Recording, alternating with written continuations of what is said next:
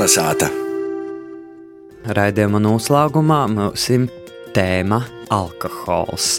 Alkoholisms, jeb kā to nicinoši dievē sabiedrībā, žūpēba bija aktuāla problēma Latvijas sabiedrībā jau kopš 19. gadsimta, un tūstarp arī Latgolā. Šoreiz vēstures rubrikā Kaspars Strots izaver Latgolas pretalkohola biedrību aktivitātēs starpkaru Rāziknē. Vasali kolonizācijas klausētoji. Alkoholisms jeb kaitu nicinoši dievēja sabiedrībā. Žūpēba bija aktuāla problēma Latvijas sabiedrībā jau kopš seniem laikiem. Pēc Latvijas Republikas neatkarības proklamēšanas 18. gada 18. novembrī pakāpeniski tika īvīsti dažādi jauni normatīvi akti, kuri reglamentēja gan alkohola tiežnīcību, gan lietošanu sabiedriskajos vītos. Paralēli tam aizsākās dažādu pretalkoholu biedrību dibināšana, kuras popularizēja atturības un veselīga dzīvesveida politiku. Periodiski Latvijā organizēja vairākus pretalkohola kongresus, kurus apsprīda aktuālos jautājumus cīņā ar zaļo puķi. Arī Latvijā notika aktīva dažādu organizāciju dibināšana, kuras izastojās par atturīga dzīvesveida pīkūpšanu. Īpaši aktīvi iepriekš minētajā procesā iesaistījās dažādas mocību izstādes. Piemēram, Daugopils valsts skolotāju institūtā izveidoja atturības pulciņu cerība, savukārt Riezeknes valsts skolotāju institūtā Klints.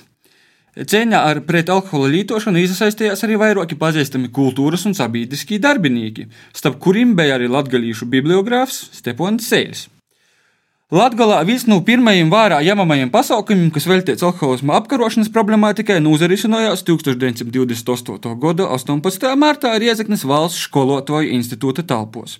Tajos piesaistījās Latvijas petohola biedrības un skolu cerību pulceņu porstoju. Šo pasaukumu inicijēja Vītojas atturības pulceņš Klints kopā ar Latvijas pretalkohola biedrību. Sanāksmē izrādās delegāti no dažādām Latvijas vītām, kā arī cīmiņi no citām Latvijas pretalkohola kustības filiāliem. Timā starpā viens no tos dibinotājiem - jurists Gustavs Kempelis, sabiedriskais darbinīgs un vairāku pedagoģisku grāmatu autors Jānis Dāvis un citi.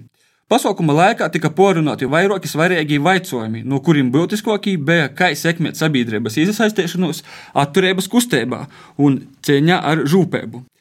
Tāpat īpaši tika akcentēta nepieciešamība pēc noteikumu izstrādes, kuri būtu vērsti uz skolotāju atturībnieku pieņemšanu skolos. Šo jautājumu risināšanā aicināja iesaistīties arī toreizēju izglītības ministru Augustu Tenteli. Respektīvi, Viņš aicināja saimu sagatavot attiecīgu likumprojektu.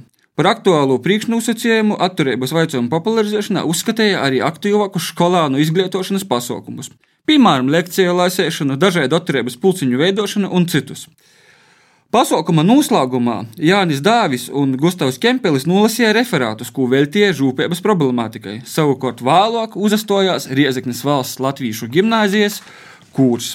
Turpmākajos gados Latvijas pretalkohola biedrības ietekmē Latvijas reģionā tika veidotas ar vien vairāk atturības biedrību, taču nereti napītakamu finanšu resursu un zemos iedzīvotāju iesaistas dēļ vairums no šiem biedrībām panieka. Pēc Kārļa Ulmaņa apvērsuma sākās jauns atturības kustības attīstības posms. To ietvaros 39. gada 22. oktobrī Rieziknē notika Ūtrijas Latvijas pretalkohola konference. Pasaukums aizsākās ar divkalpojumu Riezeknes visvētākos jaunās Marijas katoļu baznīcā un turpinājās ar konferences dalībnieku pulcēšanos Riezeknes tautas pilī. Šajā sanāksmē bez vairākiem Latvijas un Latvijas reģionā atturības idejas atbalstītājiem pīzdalījās arī sabiedriskī izglītības, kā arī garīdzniecības postoji. Kopumā aptuveni 300 cilvēki. Jo atzīmē, ka par konferences nozīmīgumu liecina arī fakts, ka rēkošanai izveidoja īpašu rēcības komiteju, kuru vadīja toreizējais Riezeknas valsts komercskolas un gimnāzijas direktors Staņislavs Jaudzems. Starp poriem komitejas dalībniekiem bija Latvijas pretalkohola biedrības vadītājs Hermans Asaris, katoļu garīdznieks Henriks Trūps, Riezeknas aizsargu pulka aizsardžu priekšniece Velta Zarāne un citi. Bija arī Gūda orgkomiteja, kurā īvēlēja tautas labklājības ministru Jāni Volontu, izglītības ministra biedru Jāzepu Čamani, kā arī Reigas metropolijas arhibīskapu Antoniju Springoviču. Pasaukuma gaitā vairāki referenti klātesošiem skaidroja atturības audzināšanas nepieciešamību, kā būtisku faktoru, akcentējot jaunatnes īstaisti attīstīgajā procesā. Tos pašas dienas pēcpusdienā atklāja arī Latvijas pretalkohola biedrības veidoto izstādi, kuru īkortoja divos Rieziknas Latviešu biedrības kluba telpos. Apmeklētāji varēja iepazīties ar dažādiem eksponātiem, starp kuriem jau izceļ īpaši plaša plakātu kolekcija.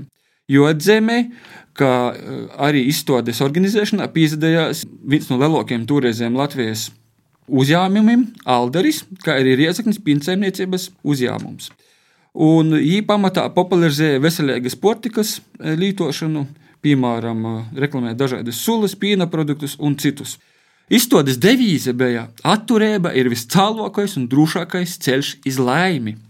Konferences noslēgumā tos dalībnieki atzina nepieciešamību dibināt jaunas atturības biedrības, pašvaldību aktīvāku iesaistību alkoholismu apkarošanas pasaukumos un arī citus.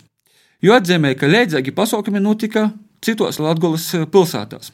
Viens no taidiem 1930. gada 25. maijā norisinājās Dāngopilī. Saudabēgi, bet tam līdzīgos pasaukumos piedalījās arī cilvēki, kuriem pašiem ar alkohola atkarību bija ievērojamas problēmas. Iespējams, ka spilgtākais piemērs ir publicists un saimnes deputāts Joņš Apinsants, kurš nazaverotīs uz saviem naskaitojumiem alkohola reibumā izraisītiem skandāliem, piedalījās Daugopils pretalkohola konferencē ar referātiem par tēmām alkohola un pūsts Latgolā un pretalkohola kustības veidi un organizācijas. Jāsaka, ka tomēr līdz ar Latvijas Republikas neatkarības zaudēšanu atturības kustības darbība tika pārtraukta un tos nākotnes īceres palika nerealizētas.